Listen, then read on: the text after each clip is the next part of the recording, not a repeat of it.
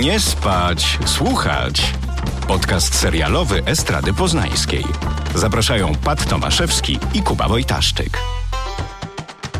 Dzień dobry Państwu, witamy w 58 odcinku podcastu Nie spać, słuchać. Eee, Tak Kuba się przed chwilą ze mną przywitał. No bo już nie ma słoneczka, tylko deszczyk pada.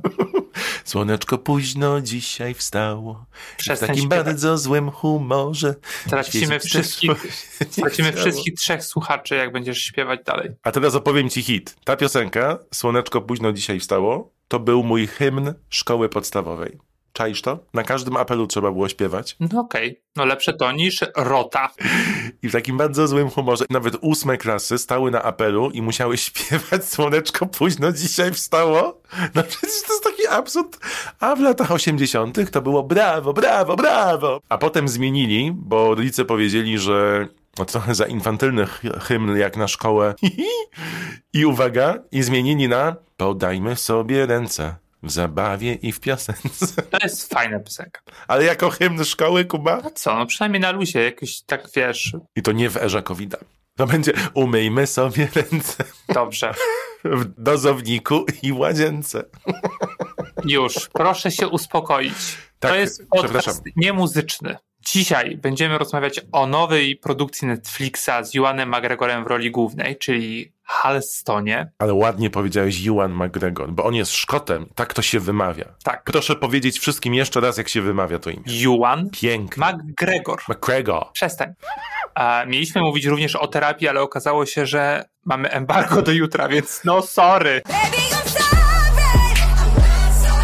To od razu może zacznijmy. Czy nie? Czy nie? Jeszcze nie. No ale to wszystko? No ale jeszcze newsy, jeszcze ciekawostki, plotki, ploteczki. No tak, no i zaczniemy od newsów e, klasycznie, bo to zawsze ciekawe, co tam w trawie amerykańskiej piszczy. Pi, pi, pi. Wyszunie. Nie spać, słuchać. Czy czekasz na, na reunion przyjaciół w końcu? Powiem ci, że zobaczyłem obsadę dodatkową, bo zapowiedziano, kto pojawi się w, tych, e, w tym odcinku specjalnym. Pojawił się też zwiastun, gdzie oni idą do przodu, kamera zostaje z tyłu i to jest jakby mm, takie odbicie promocji ostatniego sezonu Przyjaciół.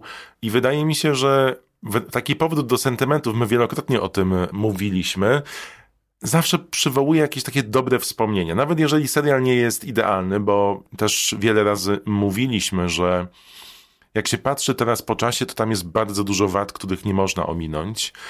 No ale przywołuje takie dobre momenty. Ja mam mnóstwo pozytywnych wspomnień i emocji związanych z przyjaciółmi i trochę czekam. Chociaż to jest takie dokumentalne, bo oni będą siedzieć i opowiadać. Może pokażą jakieś elementy, jakieś materiały archiwalne. We That's whack. It's madness, I tell you, for the love of God, Monica, don't do it! I'm Chandler. Could I be wearing any more clothes? W Friends The Reunion pojawią się David Beckham, Justin Bieber, BTS, będzie Cindy Crawford, Cara Delevingne, Lady Gaga, będzie Kit Harington, czyli Jon Snow, Mindy Kaling, Tom Selleck, ciekawe czy Wąsa zabierze ze sobą, i Reese? Witherspoon. Magnum E, PR. Naprawdę, ja y, generalnie zobaczyłem ten teaser dzisiaj rano i e, uznałem, że to jest taki trochę, jakby ktoś w PowerPoincie go zrobił. No i ja też nie jestem fanem przyjaciół, więc generalnie nie mam z, z tym serialem związanych żadnych emocji. Ty w ogóle nie masz żadnych emocji, więc to tu poprawka. Prawda. No pewnie nie obejrzę tego, chyba że mi będziesz kazać do, do podcastu, bo generalnie, no właśnie o to chodzi, że nie wiedziałem czego się spodziewać po tym, e, po tym reunion i jak teraz mówisz, że będzie David Beckham, e, Jon Snow i to naprawdę dziękuję, bo co oni mają wspólnego z tym serialem oprócz tego, że pewnie oglądali, a jeżeli nie oglądali, to na szybko nadrobią kilka odcinków, żeby móc powiedzieć albo wymyślić jakiś swój sentyment. Bo nie sądzę, że Justin Bieber, okej, no może teraz ogląda, jakby w sensie na tej fali takiej covidowej repetycji niektórych seriali. Covidowe repetycje? Mamy nazwę tego podcastu? Chciałem zabrzmieć mądrze. To jest, słuchaj, ja bym wolał zobaczyć, nie wiem, Brada Pitta, bo wiem, że jak był wtedy z Jennifer Aniston, no to pojawił się w kilku odcinkach i to było super. No taki trochę prawdziwe życie jakby weszło do tego serialu. Rozumiesz, o co mi chodzi? Tak, tam był z tego zresztą bardzo ładny cytat, że nie przewitasz się? Nie, nie, dla mojego ego będzie lepiej, jak staniemy daleko od siebie. No, no. I pamiętam, że um, wydaje mi się, że to była albo Jennifer Aniston, e, w SNL-u albo Brad Pitt, ale wydaje mi się, że Jennifer Aniston i właśnie też była beka z tego po prostu ciągnięta, że ten Brad Pitt gdzieś tam się pojawił i to było takie no, duże wydarzenie, w sensie jak oni byli ze sobą oczywiście i pewnie robię taki segway teraz, mhm. podobnie duże wydarzenie jak to, e, kiedy Ben Affleck i J-Lo byli ze sobą. No i ostatnie ploteczki, czyli moje ulubione, tak, mówią, wiesz, że... co zrobiłeś? Otworzyłeś drzwi do przeszłości. Tak. Puk, puk, na tam przeszłość. Przeszłość. Dzień dobry, 2002. Że najprawdopodobniej Ben Affleck i J-Lo znowu są y, ze sobą. Oczywiście oni są, no bardzo znają się na mediach i na tym, jak, oni, jak te media pracują, więc być może to jest wszystko taka gra pod publiczkę, żeby, nie wiem, odciągnąć uwagę od jakichś rzeczy albo zareklamować coś. Zwłaszcza, że JLo nie wiem, miesiąc temu wzięła rozwód, więc, znaczy, nie wiem, mam to gdzieś tak naprawdę, ale... No nie, no jednak jest to na tyle ciekawe, że mówisz o tym, żyjesz tym i zobacz, jak ci się głos podniósł i serce szybciej bije. Nie bije, ale ale e, no jest to jakieś takie fascynujące, że wiesz, że ma, jesteśmy, żyjemy w takiej erze rebootów, e, jakichś przeróbek serialowych e, i nagle wiesz, zrobimy reboot związku. I właśnie też te reuniony, które powstają przecież, no to jest wszystko mm, no gdzieś powiązane w jakiś sposób, że ten sentyment nawet do takiego związku celebrytów i celebrytek jest y, w nas obecny, mimo że wiesz, to jest po prostu życie obcych ludzi. No ja powiem tak, mi to tito. Nie chcę będą razem, nie chcę będą osobno, byleby dostarczali nam dobre filmy i żeby to im nie przeszkadzało w kręceniu. No, Ben Affleck i J-Lo? To nie wiem. A ty robiłeś ostatnio rewatch Argo, bo mi to Argo, jak pamiętam, byłem w kinie, bardzo się podobało. A jak tak, później... tak, jest okej, okay, ale ja wolę, wolę The Town. Tak, też jest spoko. I też planuję to zobaczyć jeszcze raz. Chociaż mi te zakonice się potem śniły w tych maskach. To było super. Ale to widziałem, nie wiem, dwa lata temu myślę, po raz pierwszy, jedyny. A J-Lo, no oczywiście ta pierwsza płyta i z filmów, no to raczej nie. W sensie nie widziałem Seleny na przykład. I no ślicznotki lubię to, jak ona tam tańczy na tej, na, na róże i jest tą, i robi ten he, heist. Podobał mi się ten film. E, ale generalnie, no wiadomo, że to jest takie, wiesz, życie z mhm. cudzym kosztem. Tym żyje Kuba. Jego serce zabiło w stronę J-Lo i cieszę się bardzo, Kuba, że jakiś element życia pojawił się w tym podcaście u ciebie. Tak. jako jakaś emocja, jedna pojedyncza. Ja jeszcze tylko chciałem nawiązać, że równolegle z informacją o tym, że zobaczymy specjalny odcinek Przyjaciół, w którym patrzą wstecz 27 maja, to do sklepów 1 czerwca trafi uwaga, zestaw Lego mieszkań przyjaciół. Na to ja cieszę się bardziej niż na to reunion całe, bo już był Central Perk, który złożyłem sobie z wielką przyjemnością, dozując woreczek z klockami na każdy dzień i przez tydzień go budowałem, a teraz będzie mieszkanie e, Moniki Rachel, mieszkanie chłopaków i różne elementy, które będą przypominały najlepsze sceny, bo będzie i do zbudowania domek lalkowy Phoebe, ten jej obraz obrzydliwy e, z ludzką twarzą, będą będą święta dziękczynienia. Jest nawet scena, jak sernik jedzą z podłogi Joey i Rachel. Chciałem tylko przypomnieć, że Pat jest dorosłym mężczyzną w sile wieku. tak. I łapie się na komercyjne zabawy Hollywoodu po prostu. Kuba, ja się nie łapię, ja po prostu muszę to mieć. To to takie dwie ploteczki. E, ja chciałbym jeszcze nawiązać do czegoś, o czym e, rozmawiamy od chyba dwóch albo trzech tygodni. W poprzednim odcinku mówiliśmy, jak trzyma się serial Mare's Easttown. Kiedy ten podcast będzie emitowany, publika będzie już po czwartym odcinku. A w poniedziałek pojawi się odcinek piąty. Czy ty ten piąty już zobaczyłeś? Nie. Ja napisałem do Kuby po tym, jak go zobaczyłem. Ja pierdykam, coś się dzieje w tym odcinku, nie mogę oddychać, jest Ale mówiłeś o czwartym, a ten czwarty odcinek generalnie, no odebrałem go, no. Nie mówiłem, że zakon... ostatnia scena w czwartym jest Aha. fajna. No jest okej. Okay. Natomiast to jest nie coś, bo to był taki mały teaser. Ostatnie 9 minut odcinka piątego to już w ogóle, słuchajcie, wyłączamy wszystkie światła, siedzimy, mi serce tak biło, włosy dęba stały i zakończyłem ten serial ze szczeną w dół. A dawno tak nie miałem. Naprawdę dawno tak nie miałem, więc wielki, wielki szacun dla twórców za to, jak kończą piąty odcinek. Myślę, że długo będziemy o tym rozmawiać za tydzień. Ile jest odcinków? Jest siedem. I też dodam, że piąty to był ostatni odcinek, który udostępniono prasie i dziennikarzom. Ci, którzy rzucili się na ten serial na początku, teraz czekali, wiesz, te wszystkie tygodnie, żeby zobaczyć, co będzie dalej. A proszę mi uwierzyć, to jest wspaniałe! Nie odniosę się, bo nie widziałem. Ja jestem, tak, podoba mi się, ale te nastolatki mnie cały czas bardzo irytują i to jest po prostu dla mnie takie, to, że to odstaje. Że jakby to nie jest, to jest doklejone na siłę. Tak, a jeszcze chciałem powiedzieć jedną rzecz, że nie widziałem bardziej prawdziwej sceny niż scena y, stypy w tym piątym odcinku. I to będzie twoja ulubiona scena tego serialu. Jestem przekonany. No właśnie chodzi o to, że w tym serialu jest super to wszystko społecznie rozegrane. Te relacje pomiędzy ludźmi, to jest bardzo fajne. I to mi się podoba. To, że oni tak do siebie mówią, jak mówią, tak wiesz, tak Mhm. mało miasteczkowo i tak półpato. I to jest wszystko fajnie ciekawe, ale no ma takie aspekty, no których nie, jakby nie mogę przełknąć. Niby spoko, ale jakoś mam taką... Ten odcinek czwarty właśnie mnie tak trochę wyprowadził z, z równowagi, że byłem takim... Tendencja zwyżkowa była, a teraz jest taka tendencja zniżkowa. No to zobaczysz piąty i porozmawiamy, chociaż po to dostajesz te odcinki wcześniej, żebyśmy powiedzieli wcześniej i zapowiedzieli. No hello. Ale ja właśnie Hello. chodzi, że ja chcę to sobie dawkować. Dobrze, jeszcze chciałem wspomnieć o dwóch serialach, e, które e, są teraz w produkcji. In production, to był jingle, proszę. No czasami tak się zdarza, że po prostu Hollywood robi e, seriale o tym samym lub mm, o podobnej tematyce. Jaka zapowiedź.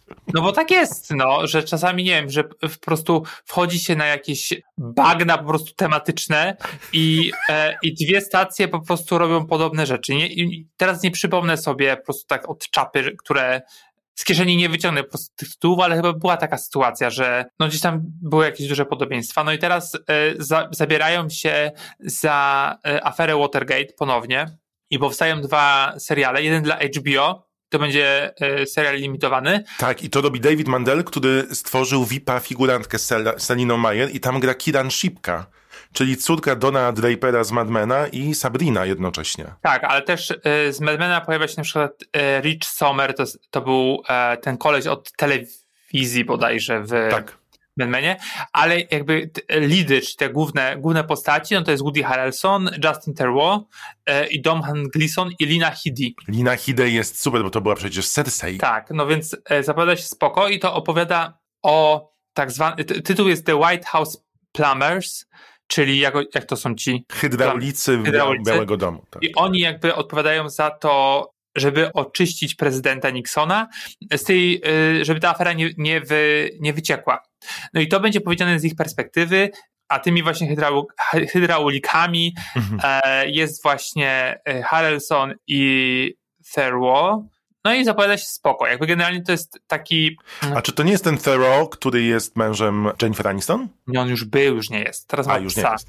Teraz ma psa? Teraz ma psa adoptowanego, to jest w ogóle hit, bo on ma takiego psa typu, on jest taki crazy na maksa, no bo chodzi o to, że w Ameryce czy tam działa taka fundacja, która pomaga takim bulldogom, w sensie takim tym groźnym psom. Nie wiem, jak one mają, y, jak on, jaka to jest rasa, ale mój pies ma trochę z nich. Z tej opowieści, kocham. Jego pies został sprowadzony z, jakby z drugiej części globu. Rozumiesz, że oni wyszukują tych psy, te psy i, on, i to są tylko ta rasa konkretna Mhm. i, e, i on tam, wiesz, z, nim, z tym psem pracuje, śpi, to jest obleśne. Jedyny pies, który mnie interesuje, to jest rasa i pies prezydenta Irlandii. Jaki jest raz? No ten Beneńczyk. Nie widziałeś tych wszystkich wideo, jak prezydent opowiada o ważnych rzeczach, a pies dookoła mu, wiesz, drap mnie, drap mnie. Nie. Dobrze, i jeszcze na szybko kolejny serial, który się e, nazywa Gaslight. E, I na ten czekam bardziej, Uuu. E, Bo oprócz tego, że w jednych z głównych ról pojawia się Betty e, Gilpin, czyli bohaterka Glow, którą kocham i uwielbiam, i jeden z moich ulubionych aktorów, Dan Stevens, który grał chyba w pierwszych dwóch sezonach Downton Abbey, jest świetny, ale On grał Matthew, tak. a w głównych rolach pojawia się Julia Roberts i Sean Penn. I tutaj z kolei skupiamy się na. E, główną, główną postacią jest, e, jest ta grana przez Julia Roberts, która jest żoną Shona Penna, w sensie w, serialu. A, Sean Penn jest takim prawnikiem tego Nixona, takiego bardzo, bardzo takim e, po jego Mhm. stronie. No i oczywiście, a ona jest taka właśnie outspoken, że mówi to, co myśli, że działa właśnie przeciwko Nixonowi. I teraz Sean Penn musi po prostu, wiesz, to jest taka e, musi zdecydować, po której stronie stoi. I to jest spoko, to jest takie klasyczne hollywoodzkie e, granie na emocjach trochę. E, no i oczywiście ci plamerzy, o których mówiliśmy przy poprzednim odcinku, znaczy po poprzednim odcinku, poprzednim serialu, również się pojawiają, ale to jest taka jakby drugoplanowe postaci, więc jakby mm, spojrzenie na aferę Watergate z dwóch innych perspektyw e, i ten serial powstaje dla stacji Stars u nas oczywiście tego nie ma. Mhm. Ale Stars często kupują, kupuje HBO. Tak, no ale jeżeli HBO robi, e, robi ten pierwszy serial, czyli The White House Plumbers, no to zakładam, że nie kupią. A ja mam innego newsa. Bardzo ciekawą rzecz ogłosił Netflix, że 27 sierpnia pojawi się komediowa produkcja nazwana The Chair z Jayem Duplasem i Sandrą O znaną z chirurgów Grey's Anatomy, ale też przede wszystkim z Killing Eve ostatnio. I to, co jest najciekawsze w tym, że Sandra Oh w roli komediowej będzie grała szefową Departamentu Języka Angielskiego na prestiżowym uniwersytecie, ale nie zgadniesz, kto odpowiada za serial. Nie zgadnę. David Benioff i D.B. Wise, czyli twórcy, producenci, reżyserzy Gry o Tron. To jest pierwsza ich produkcja po tym słynnym dealu za tam 300 albo 500 milionów dolców, na podstawie którego Netflix wykupił ich po tym fiasku związanym z tym, że nie udało im się Star Warsów zdobyć ze względu na backlash i na mm, niezadowolenie fanów po finale gry o Tron. Fani się zbuntowali. Pamiętasz, była ta petycja, którą podpisało chyba półtora miliona osób, żeby zrobić jeszcze raz ostatni sezon bez nich, mm. bo ludzie uważali, że zepsuli cały serial, chcąc przejść do nowego deala z Gwiezdnymi Wojnami. Następnie cały fandom Gwiezdnych Wojen e, robił petycję, żeby absolutnie nie chwytali się Gwiezdnych Wojen i nagle przeszli do Netflixa i to będzie ich pierwsza rzecz. Bardzo dużo będzie zależało od tego serialu, no bo ich akcje w Hollywood spadły ogromnie, na łeb na szyję. E, Sandra Off roli komediowej e, to brzmi bardzo niebezpiecznie. No jestem też bardzo ciekawy. Od razu mi się przypomniało... Złote e, Globy? Złote Globy, no. które Andy Sambergiem, Sambergiem prowadziła i to było bardzo y, sucharskie. No i powiedziałeś hasło klucz bo to jest mój ostatni news, czyli Złote Globy. Czy te nagrody kiedykolwiek jeszcze będą miały jakieś znaczenie? Nigdy nie miały. Nigdy nie miały. No zawsze się mówiło, u to serial zdobył Złotego Globa. No wiadomo.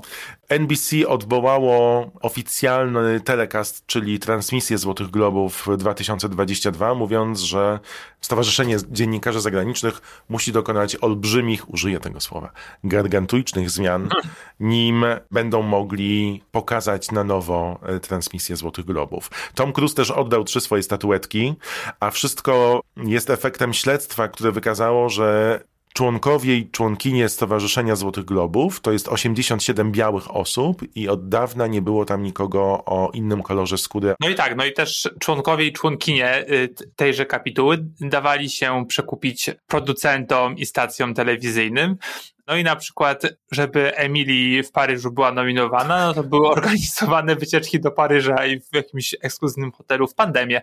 Więc tak. pozdrawiam. No i, ale była nominowana? Skuteczny marketing? Skuteczny. No, bardzo skuteczny marketing. Także, no, mam to gdzieś generalnie. Tak, ja myślę, że oni już nie podniosą się, niestety. Nawet gdyby zrobili teraz tylko i wyłącznie kapitułę z, składającą się z dziennikarzy mniejszościowych reprezentujących wszystkie kolory skóry i narodowości, to do tej nazwy ta łatka zawsze będzie niestety przyklejona. Ja myślę, że my powinniśmy y, rozdać swoje nagrody. Nazywałoby się Kubas na przykład. Kubas? Ja bym mógł rozdawać moje nagrody, proszę bardzo. Tutaj. E, w Chinach rozdają złote koguty, to mi się bardzo podobało. Coś polskiego powinniśmy takie, wiesz. Mamy telekamery. Nie, ale mówię z jakimś zwierzęciem, na przykład złote norki. To, to co czymś takim polskim na przykład. Złote dżdżownica. O, Złote świnie polskie. Złote świnie. To co, przechodzimy teraz do e, tematu odcinka, czyli kolejnej produkcji Ryana Murphy'ego w ramach jego olbrzymiej umowy z Netflixem, w której zatrudnił Juana McGregora jako projektanta słynnego na cały świat, o którym ja nie słyszałem, no ale nieważne. Ja też nie. I limitowany serial pięcioodcinkowy nazywa się Halston i opowiada o designerze, projektancie o tym samym nazwisku, który stara się po pierwsze zaistnieć na amerykańskiej scenie projektowej, a po drugie w obliczu próby przejęcia jego imperium rozpoczyna desperacką walkę o być albo nie być. Do you ever feel like everything you have could disappear in an instant? Halston, listen to me. You're obsessing over all the wrong things. You and you and you, you can all fuck off. Powiem ci chyba tak, że nie czytałem o tym serialu wcześniej nic. Widziałem trailer, który nie spodobał mi się. I oglądałem sobie tak pierwszy odcinek i po pierwszym odcinku, tak gdzieś na początku drugiego mówię, przecież to wygląda jak, jak produkcja Ryana Murphy'ego. Ale mówię, to jest niemożliwe, przecież bym o tym wiedział. I po, chyba po trzecim odcinku sobie sprawdziłem, no i mówię, aha, fajnie, po prostu profeska, ale to tylko świadczy o tym, e, znaczy świadczy o dwóch rzeczach. Że Ryan Murphy ma mm, już jakiś styl wypracowany, ale czy ten styl jest dobry? Ale zobacz, też nie jest tak promowany, więc wydaje mi się, że coś się stało też e, w kwaterze głównej Netflixa, bo nie jesteś bombardowany, nowy serial, nowa produkcja Ryana Murphy'ego. On tam jest scenarzystą czterech odcinków, jest producentem i rozpoczął cały ten projekt. Zresztą jak robiłem research, to jest w majowym wydaniu Vogue wywiad z nim i z Tomem Fordem, Hamisza chyba, jednego z tych fajniejszych dziennikarzy, jeżeli chodzi o Vogue, i opowiada o tym, jak był zafascynowany tą modą i tym całym wydarzeniem, które miało miejsce w Wersalu, o którym pewnie zaraz powiemy, i chciał zrobić od dawna serial, który łączyłby modę z popkulturą. Nagrywamy to w, sobo- tu w piątek i do tej pory, dzisiaj jest premiera. I zazwyczaj jest tak, że recenzje pojawiają się e, trochę wcześniej, a już w, w ten sam dzień ich jest bardzo dużo.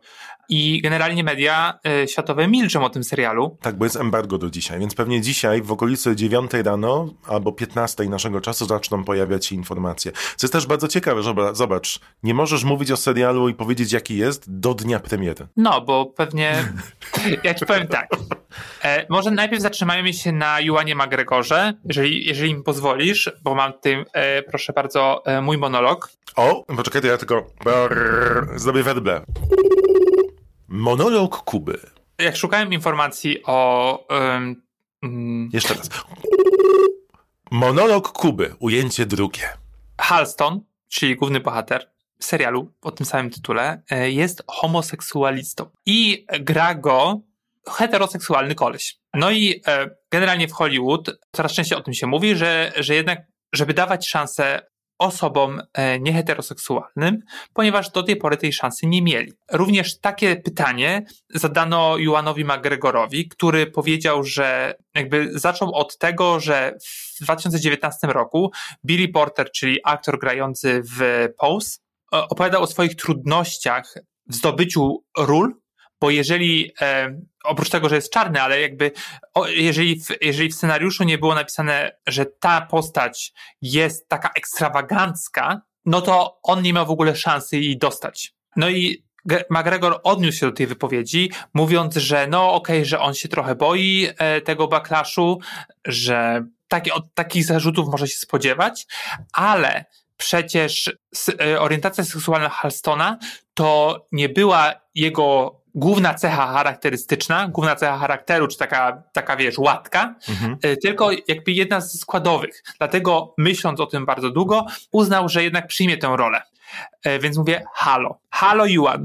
Czy to znaczy, że jeżeli mówimy, e, czy jeżeli jest serial, czy film i homoseksualizm nie jest cechą główną, to znaczy, że to nie możesz, e, to, to, to gej już może nie być brany pod uwagę, bo właśnie Porter zauważył, co też wielokrotnie pewnie mówiłem już tutaj, że jeżeli heteroseksualny koleś gra geja, to od razu dostaje nagrody, bo to jest właśnie ta trudność wyimaginowana trudność, po prostu dla, znaczy orientacja nieheteronormatywna jest tak czymś dla heteryków wyimaginowanym, że po prostu muszą dać nagrodę. Masz tutaj, to jest na przykład case y, Brokeback Mountain, znaczy to jest dobry film, ale też case y, na przykład tego, To jest dobry film. Chyba widzieliśmy inny film. ja lubię Brokeback Mountain, Chyba E, Owce i Fasole. Niedługo będzie na Netflixie i sobie odnowię, ale ten, to, to jest ten sam case Jarada Le- Leto y, w Dallas Buyers Club. Matthew, tak, tak, tak. Tak, że po prostu dostał, bo, bo gra geja. Dobrze, no i okej, no i to był mój taki krótki monolog i teraz tak, No ale poczekaj, bo ja mam pytanie odnośnie tego monologu. no,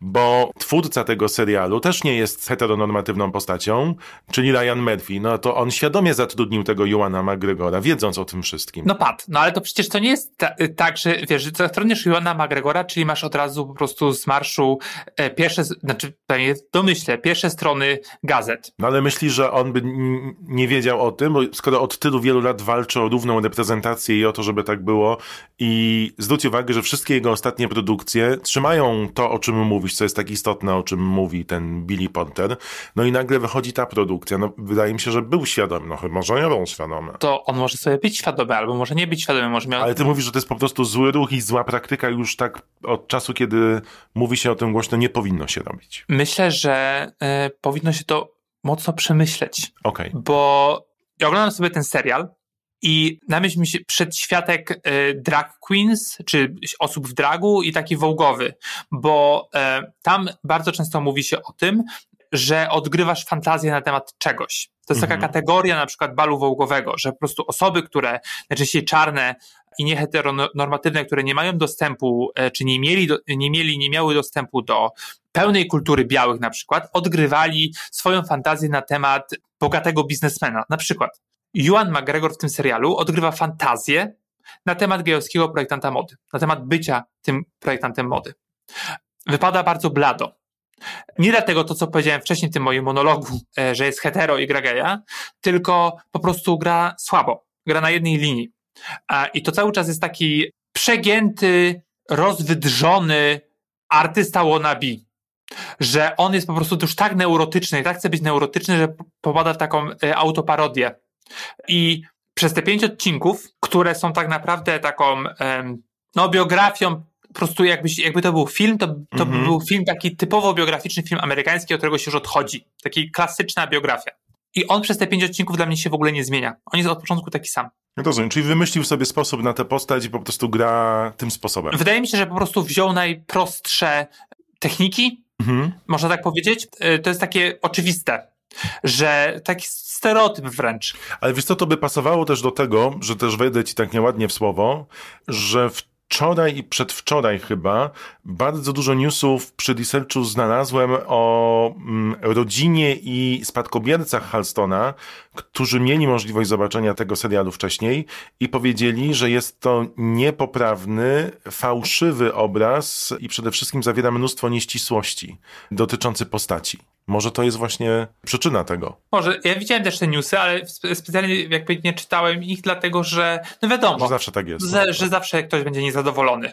To może zdrać, bo ty to ładnie pewnie streścisz, e, fabułę, jeżeli można tak po powiedzieć o tym serialu. obserwujemy dojście do sławy i popularności projektanta, który długo walczył o to, by jego imię uzyskało renomę w Stanach Zjednoczonych. Był projektantem słynnego kapelusza Jackie Onassis, który miała na inauguracji, przez co stał się słynnym projektantem kapeluszy, ale chciał osiągnąć coś więcej. Zaczął projektować ubrania. Zasłynął tym, chociaż mnie popraw, bo to jest tylko to, co dowiedziałem się z researchu, że wprowadził, jest ojcem kaftanów, jest ojcem spodni kobiecych, y, które pokazują ładnie talię i bardzo lubił kolorowe, farbowane ręcznie, to co wróciło teraz w 2020 i 2021 materiały, Die Eye to się nazywa. Obserwujemy to, jak dochodzi do sławy, jak buduje swoje imperium, jak to imperium zostaje przejęte i on walczy o to, by móc projektować dla marki pod własnym nazwiskiem. Przy okazji ma problemy w życiu osobistym, jak każdy człowiek, to w ogóle jest w tych opisach zawsze najlepsze. No tak. Po pierwsze jest nieheteronormatywny, po drugie ma problem z narkotykami, które dodają mu dodatkowego kopa do projektowania, no i też nie był łatwą osobą. Natomiast przyjaźnił się z Lizą Minelli, Gretą Garbo i jest to w pewien sposób w serialu pokazane. Jeżeli mogę od razu przejść do swojego odczucia, mieliśmy możliwość zobaczenia całego tego serialu przed e, premierą. Czasem jest tak, nie wiem czy u ciebie też, że możesz mieć wszystkie dobre składniki. Łączysz je, a potrawa i tak nie wychodzi i nie smakuje, bo czegoś brakuje. To ja w kuchni. Mam takie wrażenie z tym serialem. Bo Yuan jest dobrym aktorem. W drugim odcinku zresztą pojawia się Kelly Bishop, czyli Emily Gilmore z serialu Gilmore Girls, którą ja kocham. Ona gra Eleanor Lambert kiedyś robiłem audycję o historii mody w filmie i w serialu i Eleanor Lambert, to może nie wszyscy kojarzą, postawiła sobie za cel życiowy e, spopularyzować amerykański e, przemysł modowy na cały świat. I ona wymyśliła ten Fashion Week w Nowym Jorku, ona wymyśliła mm, takie forum projektantów Ameryki, ona wymyśliła Met Gala, o której mówi cały świat teraz i przypisuje to Annie Wintour, ale to ona właśnie to wymyśliła, Eleanor Lambert. No i ona też wpadła na pomysł tych wszystkich list najlepiej ubranych.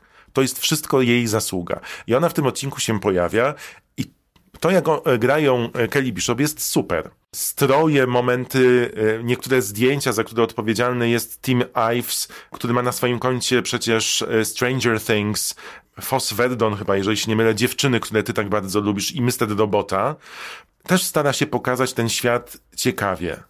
Ale wydaje mi się, że wszystkie elementy, które składają się na ten serial, nie grają we wspólną całość, bo mnie on ni ziębi, ni parzy, a tak nie powinno być.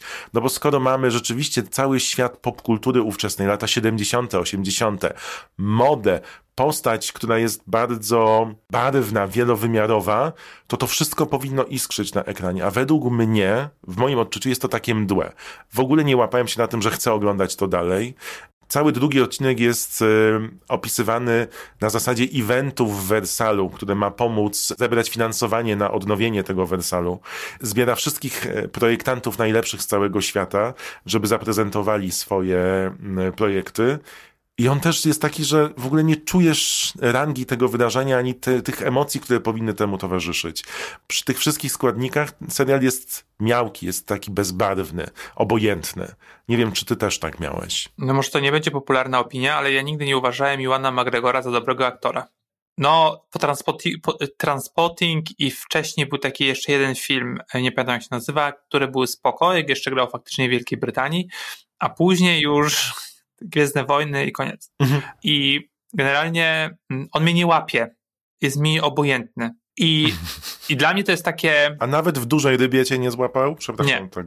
nie. ale na przykład wiesz, jest też coś takiego, że on ewidentnie e, chce pozować na takiego otwartego, e, wszechstronnego aktora.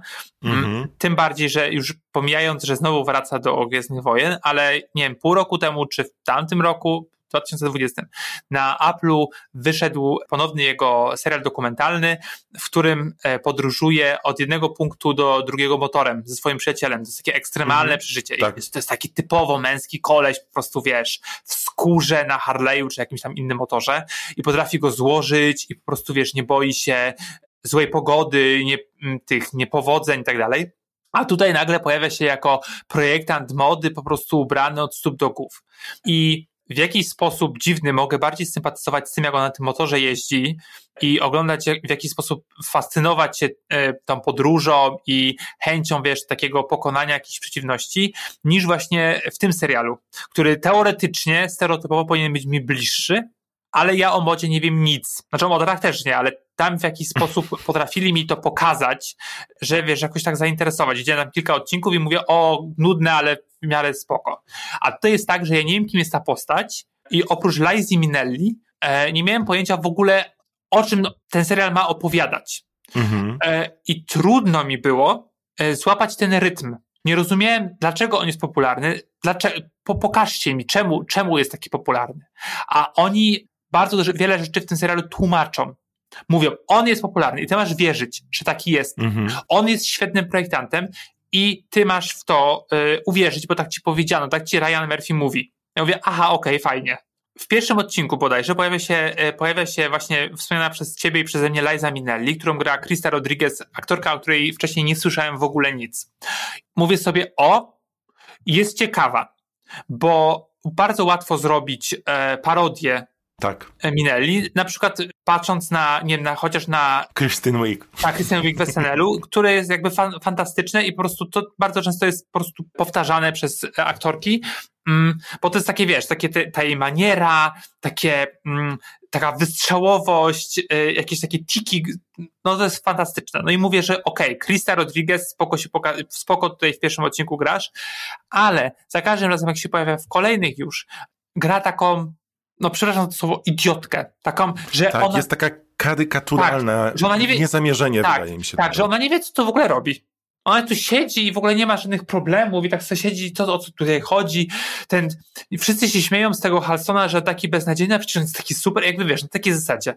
I tutaj już mi to wkurza. E, I to, co właśnie ten Halston taki, ta jego właśnie, ta ekstrawagancja, tak na siłę po prostu wrzucona w ten serial, że on ma być takim hamem, ma być po prostu non-stop y, sfochowany, urażony, że nikt nie dostrzega jego po prostu wielkości. I to też jest takie, no na jedną nutę, no bo człowiek taki nie jest, no jakby w sensie, jeżeli ci wszyscy mówią dookoła, że jednak jesteś trochę beznadziejny, no to chyba bierzesz to pod uwagę. A on cały czas idzie w zaparte, a jednocześnie się bogaci na przykład. Ja mówię, no przecież mówią ci wszyscy, że jesteś beznadziejny, a jednocześnie masz kasę.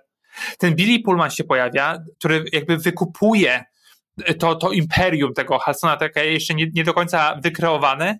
I ja mówię, no to o co w tym chodzi? Tak w ogóle ten obraz jego, nie wiem czy to jest zamierzenie, ale on jest tak niemiły dla tych swoich współpracowników. Tak, a oni wszyscy z nim siedzą tam. Tak, a oni wszyscy z tym siedzą. No, nie, nie buduje aż tak sympatii, jak myślę, jak główny bohater powinien. I wspomniałeś też o tej, e, o tej pani, która grała w Kochanych Kłopotach. Kelly Bishop. Ona grała też mamę w Dirty Dancing. Ci aktorzy tacy epizodyczni i aktorki, które się, którzy się pojawiają, dla mnie to też po prostu, jak już łapałem tempo, to pojawia się ktoś nowy, o, o kim nie mam pojęcia, nie jest do końca przedstawiony. Tak, zauważyłem, że cały czas na przykład ta Eleonor jest tylko z imienia i nie wiesz, kim ona jest. Tak, co ona robi, że ona mu tu nagle załatwia spotkanie właśnie z tym Pullmanem ja mówię, no i, no i co? Ale, jakby, jakie są ich powiązania? I w pewnym odcinku pojawia się Wery, Vera Fermiga. Ja mówię, nie. Na, nie wiem, na 10 minut. I ona gra senseterkę, e, bo Halson ma, ma stworzyć perfumy. Tak. E, I to jest mega obleśny odcinek. I ona gra tą, gra, tą senseterkę, po prostu jakby, jakby została wyrwana, W ogóle ta recenzja, mega obleśny odcinek.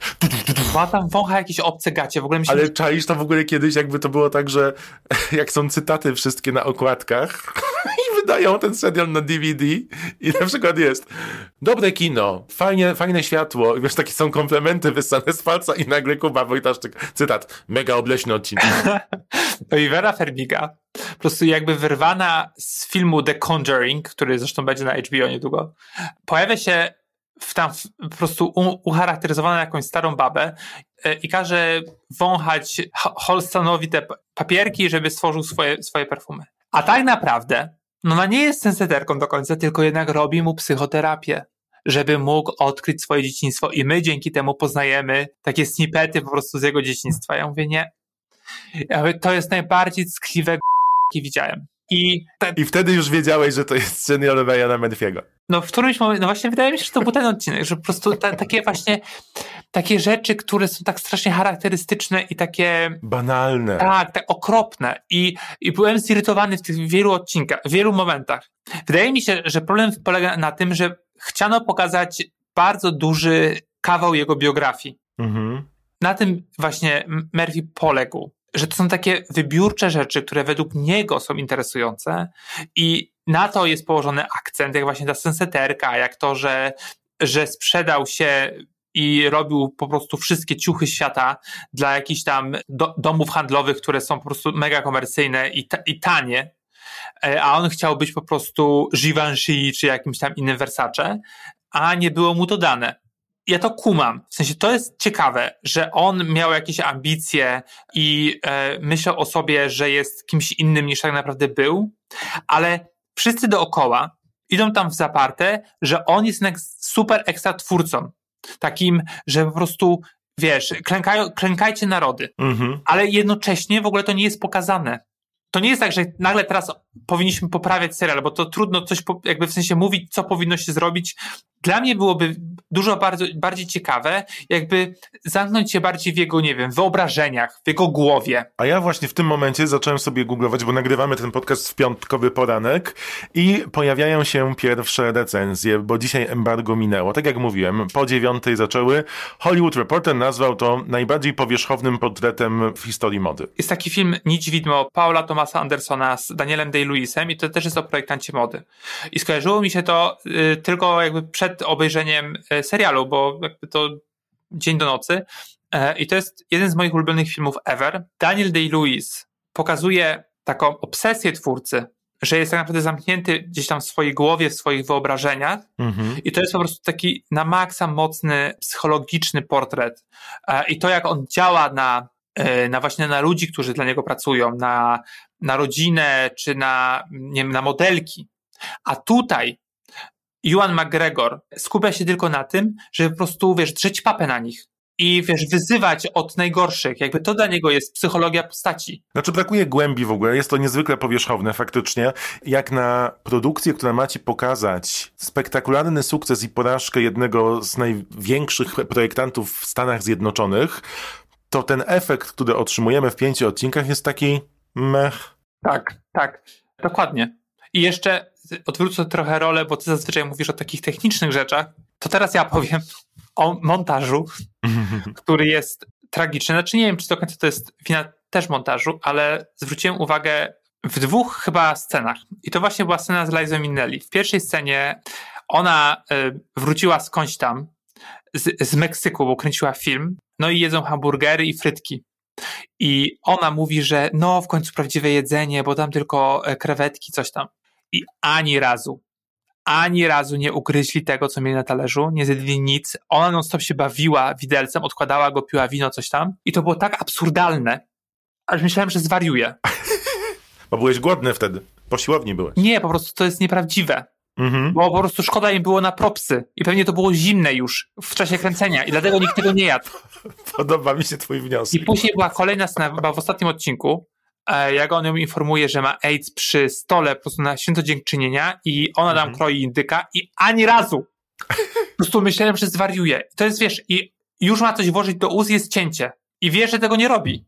I od razu mi się przypomniało, ja oglądałem właśnie In Treatment, to jest taka scena, że w, w terapii, że jedzą jakieś tam chyba żelki czy coś tam. No i jedzą i mówią. I to jest naturalne, że po prostu tak się zachowują ludzie. Kurczę, zjadłem żelkę. A tutaj jest po prostu takie, wiesz, siedzenie y, naprzeciwko siebie i gadanie y, o emocjach oczywiście, no bo to mu, musi być o emocjach, to nie może być takie proste, że sobie po prostu siedzą. Tak, nie można pokazać emocji bez dialogu na przykład. Tak, dokładnie. Zazwyczaj nie zwracam uwagi na takie rzeczy, że wiesz, że nie wkładają A widelca do ust. A zwróciłem. Ja też, a propos, tak, a propos tego montażu, to też bardzo mi się nie podobało to, jak zmontowali ten pokaz w tym Wersalu Tak, w drugim odcinku. tak, tak. tak, no także mówię, masz dobrych twórców w miarę, masz wszystkie składniki, no ale wychodzi ci potrawa, która jest taka na zasadzie, okej, no zjadłem, no dzięki. No, Murphy nie jest dobrym twórcą, już to ustaliliśmy, Pat. Nie mówię, że autor zdjęć, Aha, no, no i, i wiesz, reżyser i te sprawy. No dobrze, że Murphy nie reżyseruje, nie? To też no ale jako producent, to wiesz, nie? To to jest... patrzy i mówi. Tak, to E, prawda. I chciałem jeszcze. Mm, aha, jeszcze jest taka właśnie, jak płaczą, to upadają na, na, na ziemię. No to są emocje. Tak się pokazuje emocje u Murphy'ego, No. że wszystko jest, wiesz, do ekstremum, na Tak, podkręcone. przeskalowane. Zgubiłem spinkę. No, I no, na ziemię. no i na ziemię. I to jest, i, e, no już nie mówiąc o tym, o po prostu pokazywaniu AIDS, to jest po prostu takie, takie rzeczy, które są bardzo powierzchowne. No i to źle, źle wygląda. I faktycznie to jest trochę tak, że dostajesz bombonierkę i tam są po prostu takie y, y, zaśniedziałe czekoladki już w środku. Mhm. takie stare. Bo to się ogląda trochę tak, że no obejrzysz. I zakładam, że podobnie było z Ratchet, bo ja Ratchet skończyłem tam po którymś odcinku, bo już nie mogłem, po prostu za bardzo lubię tę postać. Ale postać czy aktorka? Jedno i drugie. Jedno i drugie. Znaczy aktorka mnie zirytowała przez to, że przyjęła tę rolę. Nie? Mhm. Bo ja po prostu Paulson bardzo lubię, a, a Ewan McGregor jest mi zupełnie obojętny. I dlatego jakby mam gdzieś, czy tu on gra, czy po prostu gra, nie wiem, ktokolwiek inny. Rozumiem. no generalnie byłem zirytowany, taki trochę, e, nawet nie zawiedzony, tylko zirytowany, a w pewnym momencie już miałem wywalone. Tak, no bo to jest tak, że y, patrzysz na nazwisko i mówisz sobie, no ten aktor lubi wyzwania. Po czym patrzysz na to wszystko, co się dzieje, a przynajmniej takie masz wrażenie, bo ty nie lubisz. I mówisz sobie, ale tu nie ma żadnego wyzwania. Tak, tak, To jest tak. tak. miałkie, to jest taki telewizyjny serial na miarę, wiesz, zwykłej, zwykłego kanału telewizyjnego. Tak, właśnie tak, bo to jest taka właśnie biografia do e, telewizji publicznej. Wiesz, co było bardziej ciekawe dla mnie? Powrót do Edenu. Tam była moda, tam był aligator, tam była zemsta. To jest fajna rzecz. Powinniśmy zrobić top e, ulubionych produkcji o modzie. Oczywiście pie, pierwsze Jej. miejsce, e, moda na Moda sukces. na sukces? No właśnie. I powinniśmy zatrudnić kogoś do rapowania o każdym sezonie Mody na sukces. Piosenka pod tytułem Rich i Brooke, no, miałaby mnóstwo zwrotek. A Stefania? Ja najbardziej lubiłem e, Sally Spectre Sally Spectre oczywiście. Wiadomo. To jednak jest... To da, tak, a ona ją, to ją grała Danuta Rin, nie? tak, w polskim spin-offie. Ale powrót do Edenu? Ja pamiętam, że cała rodzina siedziała tele, przed telewizorem i było na zasadzie, uuu, co? Tara? To już nie jest Stefania, tylko Tara? Uuu. Bo wiesz o co tam chodziło, pamiętasz? Nie. Mąż e, chciał się pozbyć żony, wrzucił ją do rzeki, bo ta żona nie była zbyt atrakcyjna. Ją zaatakował aligator, bo chciał uzyskać od niej pieniądze, bo po jej śmierci przejmował chciał wszystko. uzyskać pieniądze? Tak, to był mądry aligator. On wiedział, że trzeba inwestować na giełdzie. nie, mąż chciał przejąć imperium żony. No miała pieniądze, ale nie miała wyglądu. No i wrzucił ją do rzeki z aligatorem albo z krokodylem, a ona przeżyła. I postanowiła się zemścić. Została modelką po operacjach plastycznych. Wróciła do firmy, nikt jej nie poznał i przejęła ją. Super. To jest super rzecz. A nie jakiś tam projektant. Sorry. Ma indyka, nie je indyka, nie? No jak można? Generalnie hard no na ten serial e, i pozdrawiam. I być może nie byłbym tak zaszokowany, jakbym wiedział, że Ryan Murphy za tym stoi wcześniej. To prawda, tak. A ja chcę powiedzieć, bo ja na Ryana mam taki, wiesz, od razu jak ci się przypomina jakieś jedzenie po, po zwrotach, że już nigdy więcej tego nie zjesz. Ryan Murphy... Ale dałem szansę. Ja lubię Joana. Nie lubiłem go bardzo w Moulin Rouge, ale w Big Fishu lubiłem go bardzo. W- Jako Obi-Wan Kenobi był dla mnie obojętny, ale lubiłem go i w Helikopterze w ogniu, i w kilku późniejszych filmach. Nawet sen Cassandry mi nie przeszkadzał, mimo że to był film Woody'ego Allena. To jest najgorszy chyba to- film Woody'ego Allena. Tak, to prawda, on taką grę. Fatum i grecka tragedia.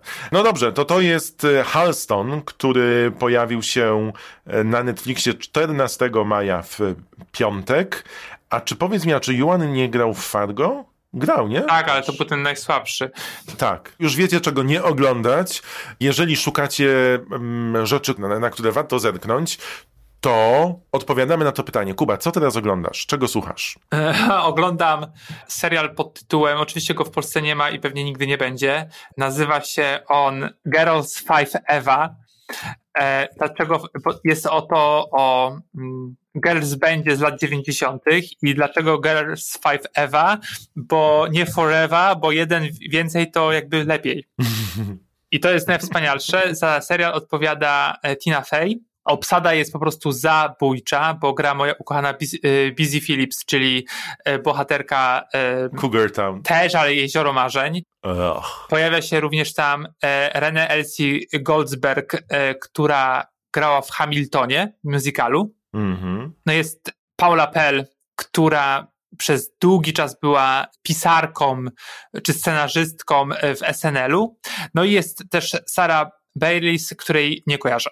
Sarah Bailey, a to nie jest ta piosenkarka? A może, może, bo tam dużo śpiewają. Bo ona- Love Song miała taką piosenkę, która była wykorzystana w serialu Men in Trees z Marion Fist, którą grała Anne Hesh.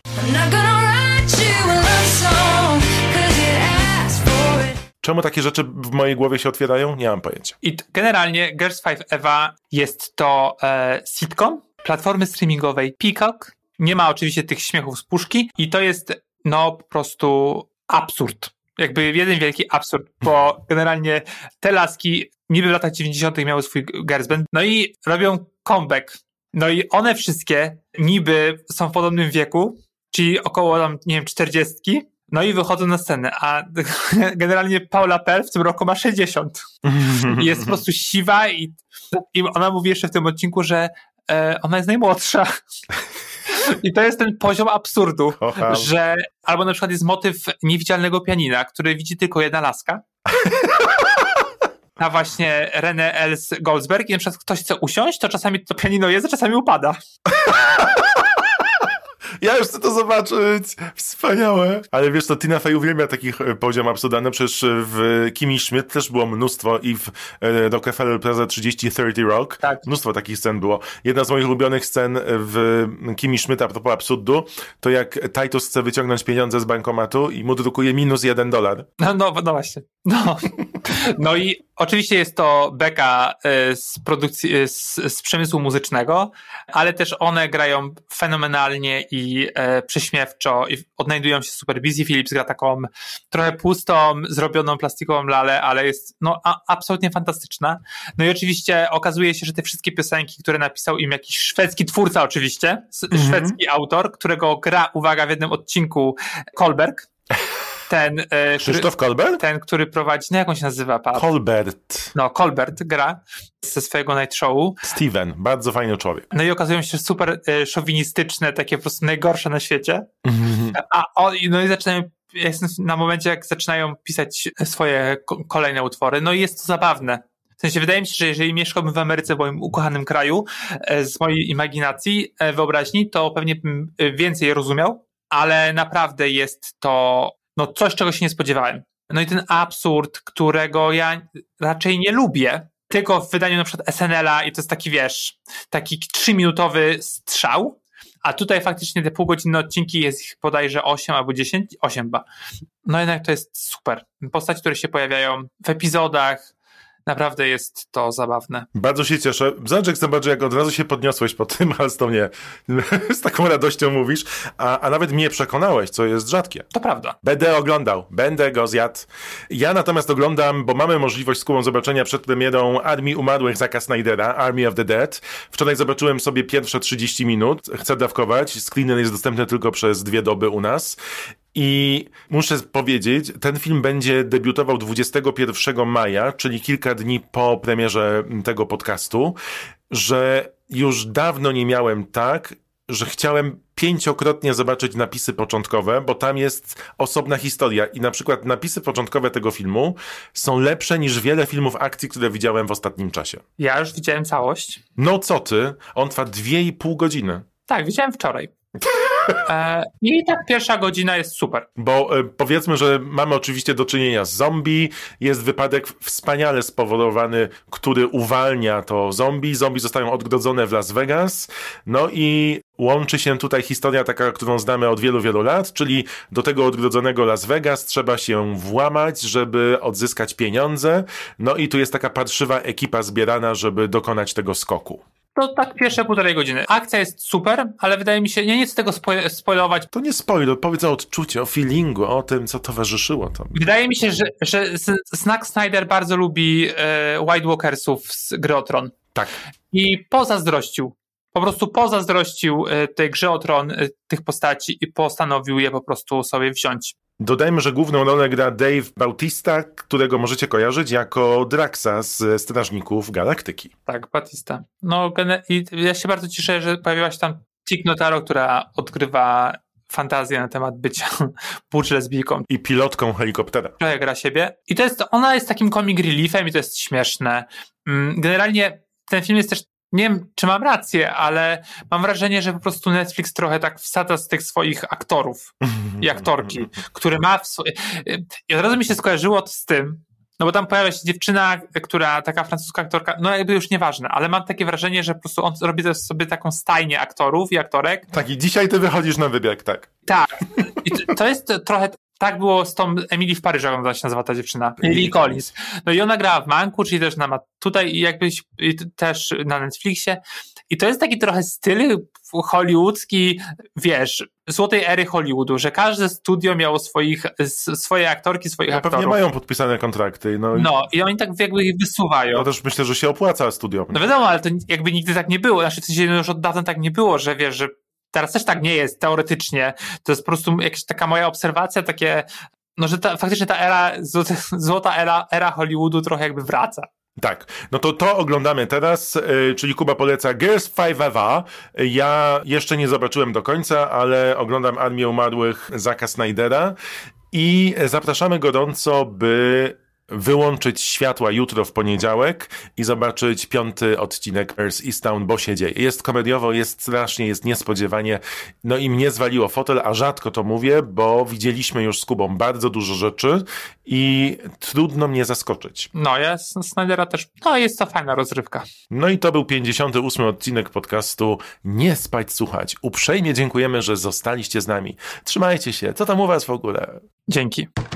Nie spać, słuchać. Producentem podcastu jest Estrada Poznańska. Wszystkie odcinki znajdziesz na estrada.poznan.pl. Podajmy sobie ręce w zabawie i w piosence. Przez burzę i przez tęczę, pod gwiazdą daleką, nad rzeczką i rzeką. To jest fajna piosenka.